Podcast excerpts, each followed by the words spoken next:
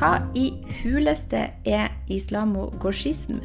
Det skal vi prate om i denne fransk spesialepisoden av Fett nok, der vi også skal innom en lesbisk demonstrasjon i Paris. Og vi skal prate litt om bondeopprøret her i Norge. Jeg heter Hannelin Skogvang, og du hører på Fett nok.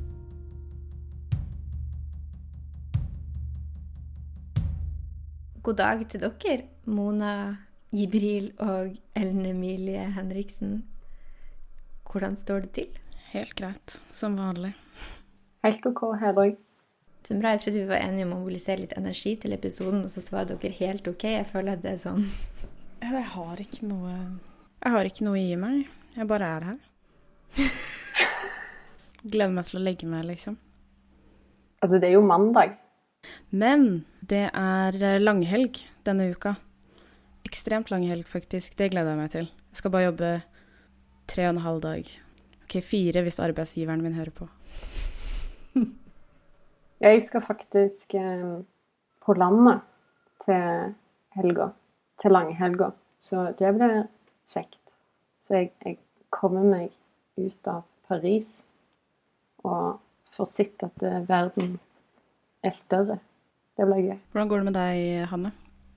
Eh, så bra å høre at du kommer deg ut av Paris, for det første. Eh, nei, det går, eh, det går greit. Det er en litt tung mandag for meg også, skal jeg ærlig innrømme. Men, eh, men det går bra. Nå er jeg klar for en eh, ny episode og eh, ei ny arbeidsuke. Jeg mobiliserer alt jeg har for disse dagene.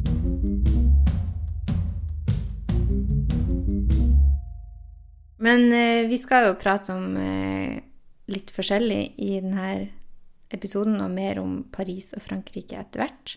Først skal vi ut på bygda i Norge og prate litt om bondeopprøret som foregår her. For nå, de siste ukene, så har det vært prat om et eh, bondeopprør, og det er et grasrotopprør eh, som er starta av en gjeng bønder i Norge. Og det er ikke en del av jordbruksoppgjøret, men i forrige uke så ble det altså brudd i forhandlingene i jordbruksoppgjøret.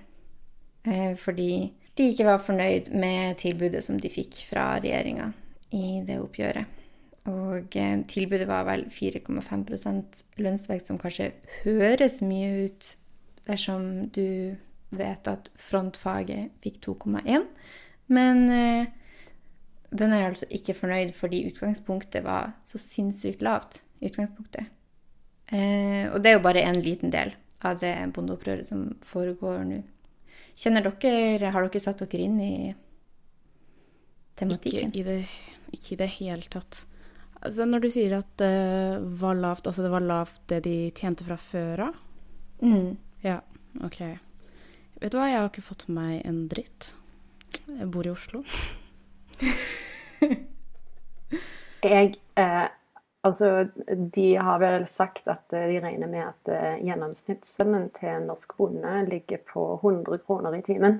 Så det er jo helt absurd lågt. Og jeg, for å være helt ærlig, ble skikkelig, skikkelig glad når dette her bondeoppgjøret begynte å ta til gatene. For det begynte vel eh, først og fremst på sosiale medier, spesielt blant yngre bønder. Um, så bestemte bestemte å demonstrere for å sikre landbruket sin fremtid. Eh, og hvis det er én ting jeg elsker, så er det bønder som demonstrerer. For de gjør det så sjukt bra. De er sånn Dette liker vi ikke. Her har du bare et tonn med møkk utenfor liksom rådhuset.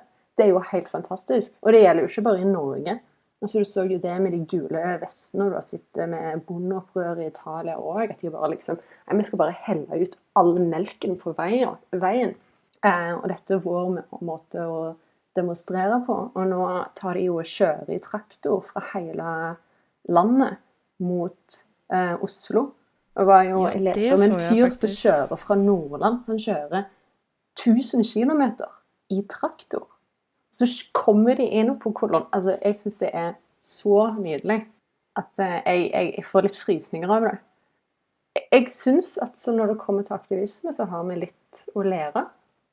Altså Hvorfor skrive lange, halvveis kompliserte artikler når du bare kan ta et tonn med kubæsj og gi til Erna? Det er jo det, det, er jo, det er jo vakkert. Ja, de har liksom virkelig mye sånn materialer som man kan gjøre ganske mye kult med. Og de som hører på nå, lurer kanskje litt på hvorfor vi snakker om dette i en feministisk podkast som eh, Fett. Og grunnen til det er kanskje litt sånn at som vanlig så spør vi oss hvor er, hvor er kvinnene, og hvor er kjønnsperspektivet i, eh, i det som foregår nå. Og eh, i høst så hadde vi en sånn samarbeidssamtale i Fett med magasinet Ren Mat, som gis ut av Økologisk Norge. Og da eh, Som handla om kvinner i landbruket. Og hvis du liksom ser på overflata av tallene der, så er liksom andelen kvinnelige bønder sånn helt sinnssykt lav. Den er vel på 16% i det siste anslaget.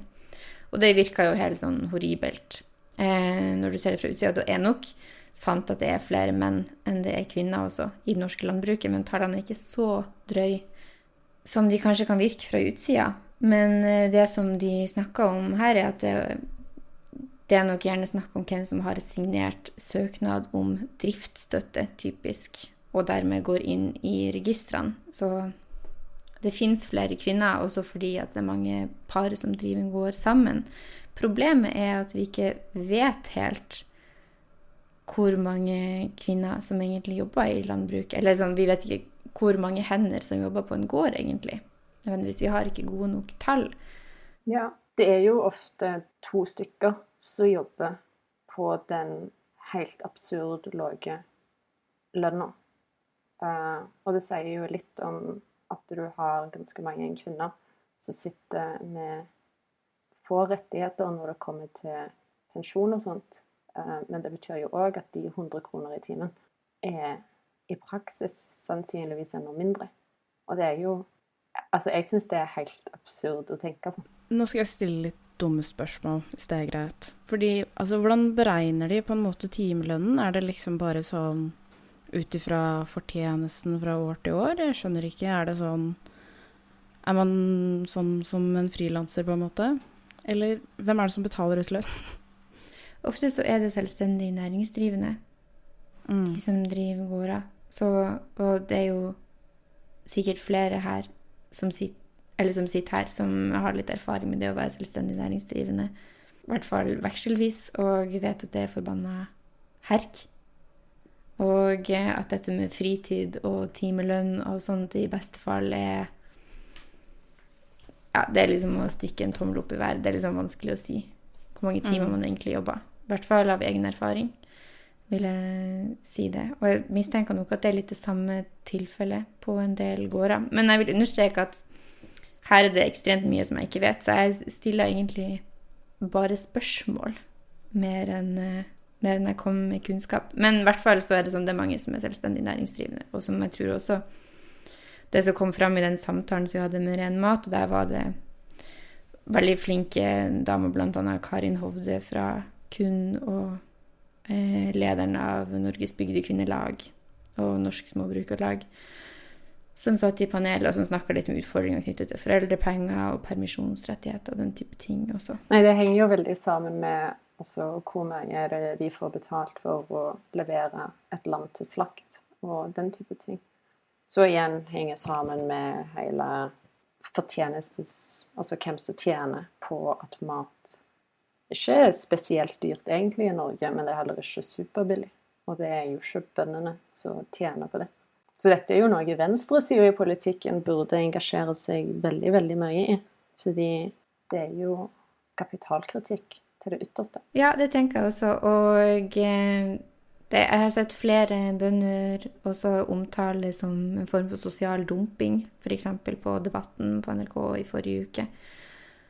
Og eh, Så ja, enig med deg, Ellen Emilie. Dette er uansett noe som venstresida burde gå Eller som burde kjent sin besøkelsestid på, da, tenker jeg. Ja, jeg syns Og så syns jeg òg det er skremmende at uh, Senterpartiet gjør det jo kjempebra. Men de er jo populister. De er jo ikke et parti for bønder. De bryr seg jo om dieselbiler og ulv. Så ganske mange bønder i Norge som ikke bryr seg om ulv, fordi ulv er faktisk ikke et problem i hele Norge. Um, mens partiene på venstresida har historisk hengt seg opp i industriarbeideren. Um, så det er jo sosial dumping. Og det er jo fordi det er ingen politikere som bryr seg om det nå. Vi tar det jo for gitt når de utvilsomt gjør det som er verdens viktigste jobb. Altså, de lager mat. Så det Altså, ja. Jeg, jeg blir litt målløs av det, for jeg syns det er helt forkastelig. Mm. Enig.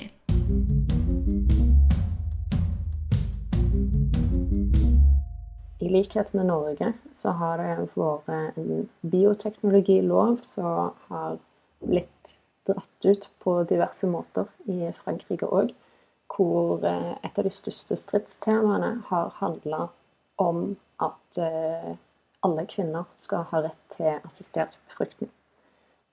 I tillegg til det så har det òg hengt sammen med uh, ulike argumentasjoner for at transpersoner skal få lov til å bli anerkjent som forelder for det kjønnet som de er. F.eks. har det vært en sak med en transkvinne som ikke har fått lov til å bli anerkjent som mor av sitt biologiske barn, selv om hun var juridisk kvinne eh, før unnfangelsen.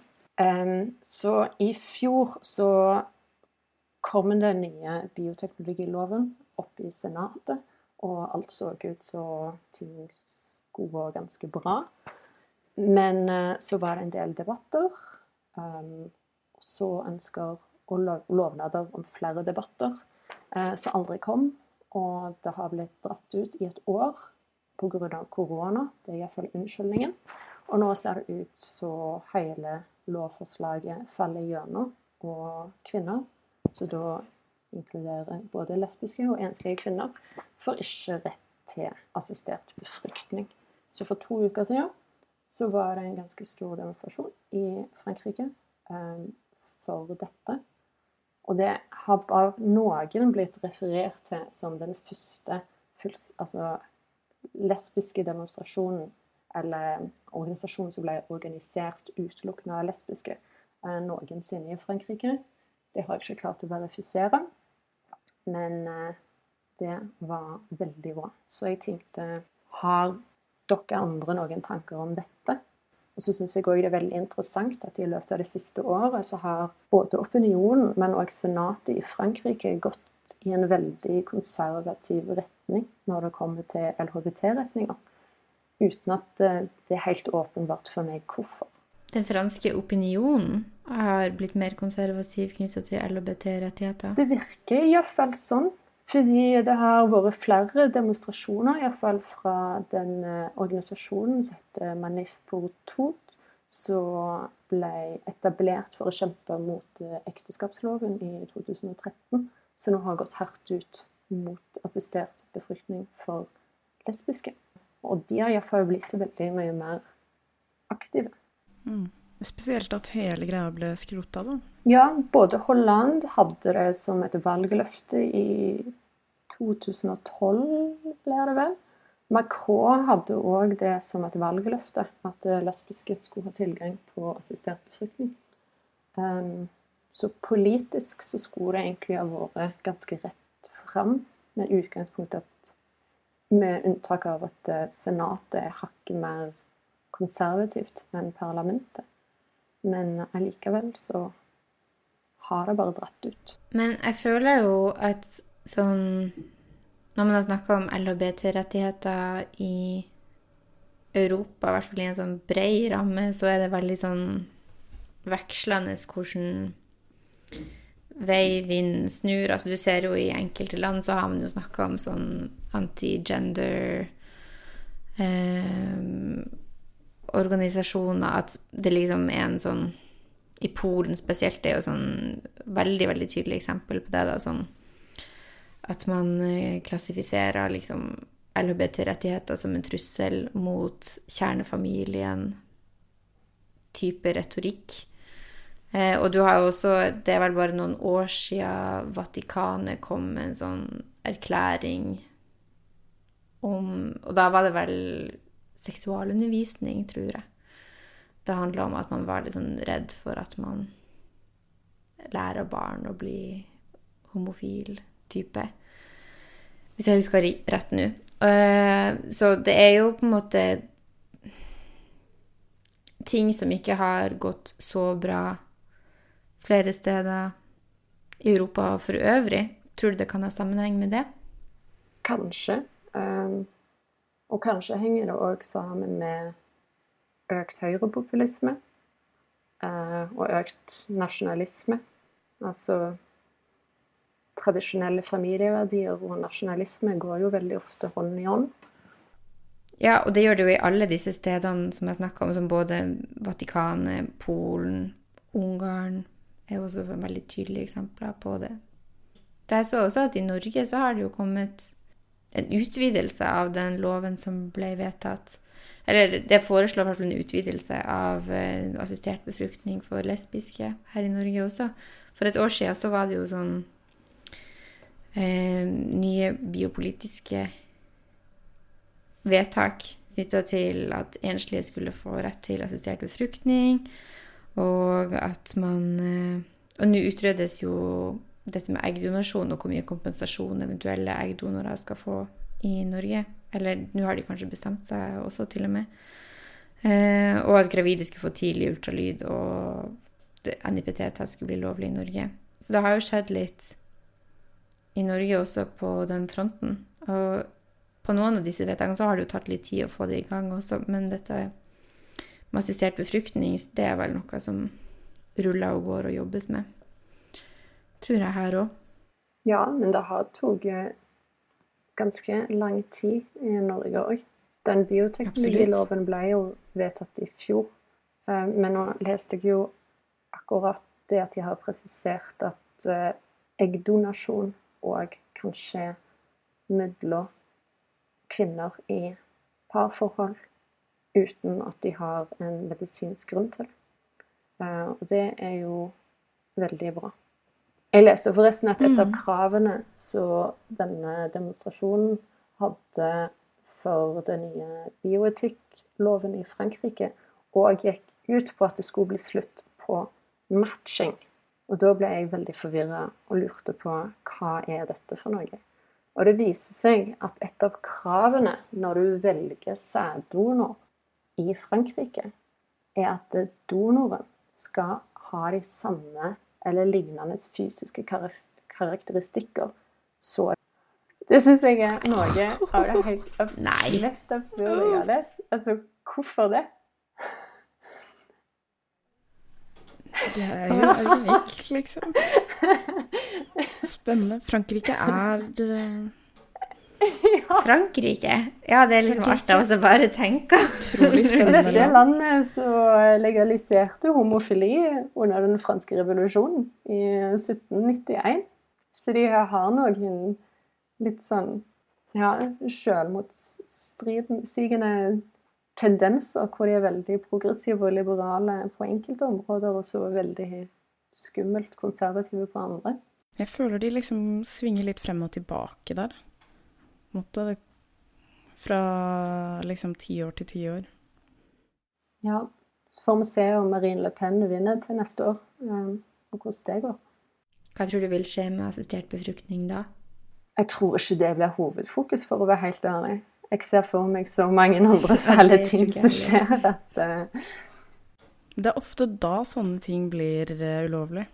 Når, man, uh, når, de på en måte skyver foran seg stengte grenser, og så får du ikke med deg at andre litt mindre ting blir ulovlige. Det er kanskje litt det de har prøvd på under korona. For nå har jo alle barer og restauranter har vært stengt i Frankrike siden oktober. Og det har jo òg vært portforbud eh, siden oktober. Og i løpet av de månedene så har jo Macron fått gjennom ganske mange Eller iallfall i det minste foreslått ganske mange sjuke ting. Men eh, den demonstrasjonen som var i Paris, når var det? Det var to uker Ja. siden. Var det mange? Det var overraskende så mange. Um, jeg er ikke så flink å estimere antall, men sikkert noen tusen. Um, og så var han veldig fin, fordi at uh, han var lagt opp sånn at rasifiserte kvinner uh, gikk først. Og så kunne hvite lesber gå litt lenger bak, og så kunne alle andre som ville støtte, gå bakerst. Og det syns jeg var en veldig sympatisk måte å organisere det på. Det hadde jeg sansen for. Eh, og så var de òg eksplisitt transinklusive. Noe så jeg skulle ønske var en selvfølge, men så ikke en selvfølge verken i Frankrike eller i Norge for den saks skyld.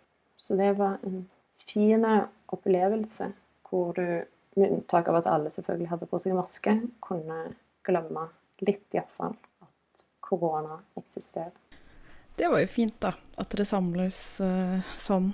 Ja, i tillegg til at franskmenn kan jo demonstrere, så det er alltid mye dansing og musikk og gøy ting. Det er sant. Jeg misunner det veldig. Om det er noe vi skal ha fra Frankrike, så er det deres evner til å demonstrere. Ja, jeg husker før jeg flytta til Frankrike, og du leser om sånne opptøyer i norske medier. Eh, At det har vært opptøyer i Paris fordi at noen har satt fyr på en bil. Og så blir du litt sånn skremt, og så drar du på demonstrasjoner i Frankrike, og så innser du at det, det er jo det de gjør på demonstrasjoner.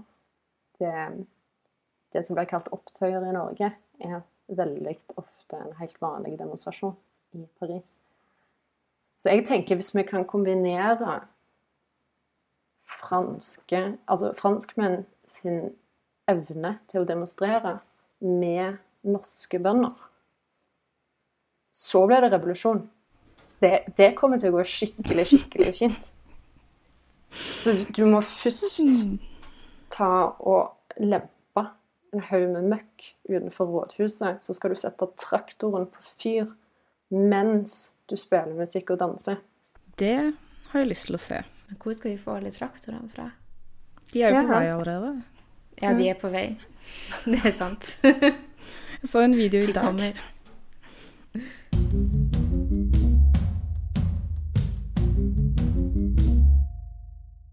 Da går vi videre til enda mer Frankrike. Eh, fransk spesial i dag.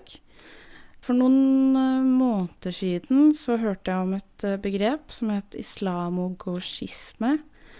Og hvis du akkurat nå tenker 'hva i helvete er det', så er det bra for deg at du ikke har hørt om dette. Men eh, Jeg trodde det var helt nytt, men eh, tydeligvis, da, så har det Så kommer det fra en gammel bok eh, fra okay, begynnelsen av 2000, da. Skrevet av en fyr hvor han beskrev en link mellom den ekstreme venstresiden og landets eh, muslimer. Og det var på en måte pga. pro-Palestina-demoer eh, tidlig 2000. Har dere, hørt noe, har dere hørt dette begrepet før? Ja. Men for meg er det ganske nytt. Mm. Men jeg hørte det vel for første gang for et par måneder siden, tror jeg.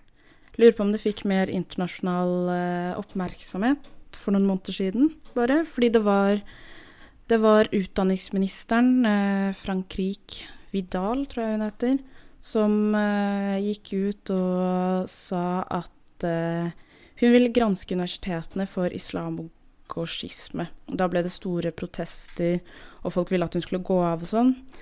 Hun hadde også sagt at det finnes en allianse mellom Mao Zedong og Ayatollah Khomeini, som er spennende. Men eh, altså, det er en slags konspirasjonsteori, egentlig, hvor de mener at måte islamistene og liksom den ytterste delen av venstresiden da, samarbeider for å nå sine mål. Eh, og islamistene vil da på en måte nå et eh, totalitært eh, teokrati, mens venstresiden vil utslette kapitalisme, globalisering og neokolonialisme, og derfor er villig til å ofre diverse menneskerettigheter som er forbundet med Vesten, som homorettigheter og kvinnerettigheter og sånn. det mener de er fordi venstresiden nå måtte finne seg nye allierte, da, fordi de mistet arbeiderklassen til Marine Le Pen og hennes eh, eh, parti. Som jeg syns er en spennende, spennende greie. Hva tenker dere? Altså, jeg tenker jo egentlig at i hvert fall sånn, Når jeg jobber med masteroppgaven min, så skrev jeg om et kristenkonservativt forum som heter Oslo Symposium. Eh, og jobba ganske mye med det. Og blant de som gjerne taler der, så har du sånn representanter fra Norge i dag, Visjon TV Norge, men også politikere. som Siv Jensen var der, Syvi Listhaug var der, veldig populære også. Og noen fra KrF, altså KrF-lederne, sånn, så det er liksom et forsøk på å mobilisere kristenkonservative velgere før valget. De arrangerer det hvert valgår. Eh, og det som slår meg når du snakker om dette, er jo egentlig at det er på en måte et nytt ord, men som karakteriserer liksom det samme på en måte også. For der, der også det, var det veldig mye sånn snakk om venstresida, og ikke engang den ekstreme venstresida, men sånn gjerne Arbeiderpartiet, f.eks., snakka de svært, svært mye om. Og som har inngått en slags sånn uheldig allianse, frivillig eller ufrivillig, med islamisme. Og det er jo litt sånn Mange vil nok også knytte det opp mot Eurabia-teorien, f.eks. Altså det er liksom noen ting her som er gjenkjennelig, tenker jeg da. At Vesten på en måte dekonstrueres og gjøres sårbar for angrep utenfra som representeres av islamisme, da. Og det er jo konspirasjonsteorier, alt dette, tenker jeg. Så kulturmarxisme er jo også et begrep som sikkert mange vil tenke også når de hører dette, hvis de er litt inne i dette landskapet fra før av. Men det som er veldig spesielt, er jo at det kommer fra en utdanningsminister. Ja. Tenker jeg. Altså, det er ikke hun som uh, fant på det begrepet. Men, Nei, men det har fått gjennomslag. Ja. Men det har vært litt snakk om det litt tidligere også. Uh, og det er jo ikke bare hun, liksom. Altså Macron i 2019 begynte jo hele den greia hvor han skulle bekjempe islamsk separatisme. Og det morsomste han Altså, han kalte islam for en religion i krise. Og han skulle fikse det, da. Som jeg syns er veldig morsomt. Uh, så det er liksom ikke Det er jo ikke bare hun, da. Det er uh, Det grunnlaget ble lagt mye tidligere. Jeg tenker òg at uh, iallfall sånn så debatten har utarta seg i Frankrike, så har det jo vært veldig fokusert eh, mot universitetene og, mot, forskning på universitetene. Og du har vel sett lignende ideer florere i f.eks. Storbritannia òg. Um, så ofte handler om en ganske egentlig gammel kritikk av såkalt aktivistisk forskning. Um, så det har jo gått Ja, det har vært en kritikk spesielt retta mot ting som postkolonialisme, dekolonialisme, kritisk teori, eh, feministisk teori, eh, skeiv teori. Og det er jo da det blir Altså, det er jo kjempealvorlig, men det er jo òg litt komisk at liksom radikale islamister skal være i samme konspirasjon som Judith Butler og liksom kritisk feminisme. At de på en måte har like motiver for, for politikk. Det er jo ganske merkelig. Eh, men den kritikken eh, mot såkalt aktivistisk forskning finnes jo i Norge òg. Absolutt. Kjønns, eh, kjønnsteori har jo f.eks. Jeg tror jeg fortsatt er delvis prega etter hjernevask. Og i Frankrike så får du jo på en måte ekstra slagkraft òg, fordi de kan late som om alle disse ideene kommer fra USA. Og for veldig mange franskmenn så finnes det to land i den vestlige verden, og det er Frankrike og USA. Og USA er fælt, eh, og Frankrike er bra. Eh, og resten av landene i Vesten, som ikke er Frankrike, de er bare offer for eh, amerikansk imperialisme. Um, så da er det jo veldig enkelt å late som om alle disse teoriene kommer fra USA, noe som selvfølgelig ikke er sant. Og så slå alle disse tingene sammen, så de vet at folk på høyresida hater. De hater muslimer, de hater skeive, og de hater all kritisk tenkning. Eh, og de hater USA. Og så kan de bare samle alt det sammen og si dette er en trussel mot samfunnet. Og det invaderer til og med forskningen og høyere utdanning. Men eh, du er jo akademiker i Frankrike, eller Emilie. Har du merka noe til Jeg er på et veldig bra institutt eh, som heter Chair of Geopolitics of Risk, hvor det absolutt ikke er et problem. Men eh, enkelte doktorgradsstudenter som jeg er løst assosiert med, har skrevet under på det oppropet mot da postkolonialisme eksplisitt i fransk akademia. Og det er jo jeg syns litt interessant, fordi du kan jo stille spørsmål rundt om Frankrike er postkolonialistisk. Jeg tror at hvis du er på Tahiti, så tenker du kanskje at Frankrike fremdeles er ganske kolonialistisk. Så kanskje de ikke er helt klar for den postdelen helt ennå. De, eh, krigen eh, mot Algerie er jo fremdeles et stort tabu som du ikke skal snakke offentlig om. Så jeg tror, eh, tror dessverre det kan ta litt tid før de er klar. Så jeg tror de må først anerkjenne at de fremdeles er en kolonimakt, og at de har vært en enda større kolonimakt i fortida. Og så ta et oppgjør med det, og så tillate postkolonialistisk tenkning, da kanskje. Ja, altså vi kan konkludere med at eh, Frankrike suger. Dere kan eller kan, eh, trenger ikke å Med mindre du drar på demonstrasjoner, eh, skal jeg love deg, da Altså Hvis du ikke tenker på at det er veldig mye politi på alle demonstrasjoner, og at de er litt voldelige, så er franskmennene i seg sjøl, når de demonstrerer, er fullstendig nydelige. Og så har vi jo òg de gule vestene, som er Frankrikes håp. Ja, og ikke glem feminist, feministene også, fordi de Vi hadde jo en artikkel i Fett for et halvt år siden også som, som var sånn optimistisk på den franske feminismens vegne. Sånn, eller forsiktig optimistisk, da. Men i hvert fall at det er en bevegelse som har blitt mer vital de siste årene. Så eh, vi kan jo også konkludere med at vi heier på også de. Ja, jeg skulle bare si at de suger, og så skal dere komme her og nyansere.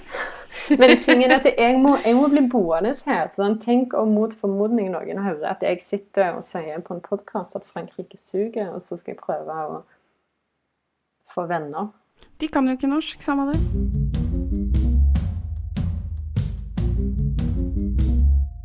Og hvis du enda ikke er lei av Frankrike, så har jeg også en fransk TV-serie som jeg nettopp har sett ferdig og anbefaler, som går også litt inn i fransk politikk. Den handler ikke direkte om feminisme, men den handler om fransk politikk og heter Baron Noir.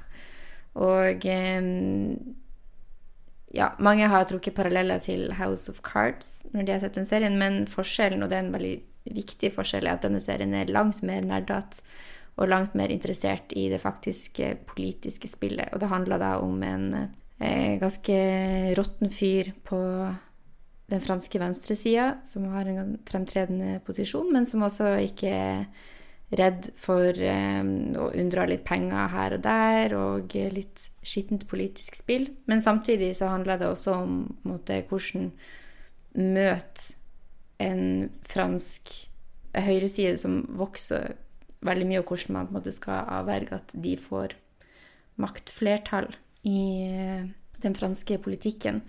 Så det handler mye om å hindre at de får makt, bygge koalisjoner, og det er også en fransk politikerkvinne som etter hvert stiller som presidentkandidat, som også gir et slags bilde av hvordan det kan være å bli møtt som kvinne i den franske politikken. Ekstremt nerdete politisk serie, vil jeg si. for Det handler mye om vedtekter og politisk spill. Men eh, jeg syns den eh, var veldig interessant å se på hvis man har lyst til å gå litt inn i fransk politikk enda mer etter å ha hørt på dette. Den serien kan man se på HBO.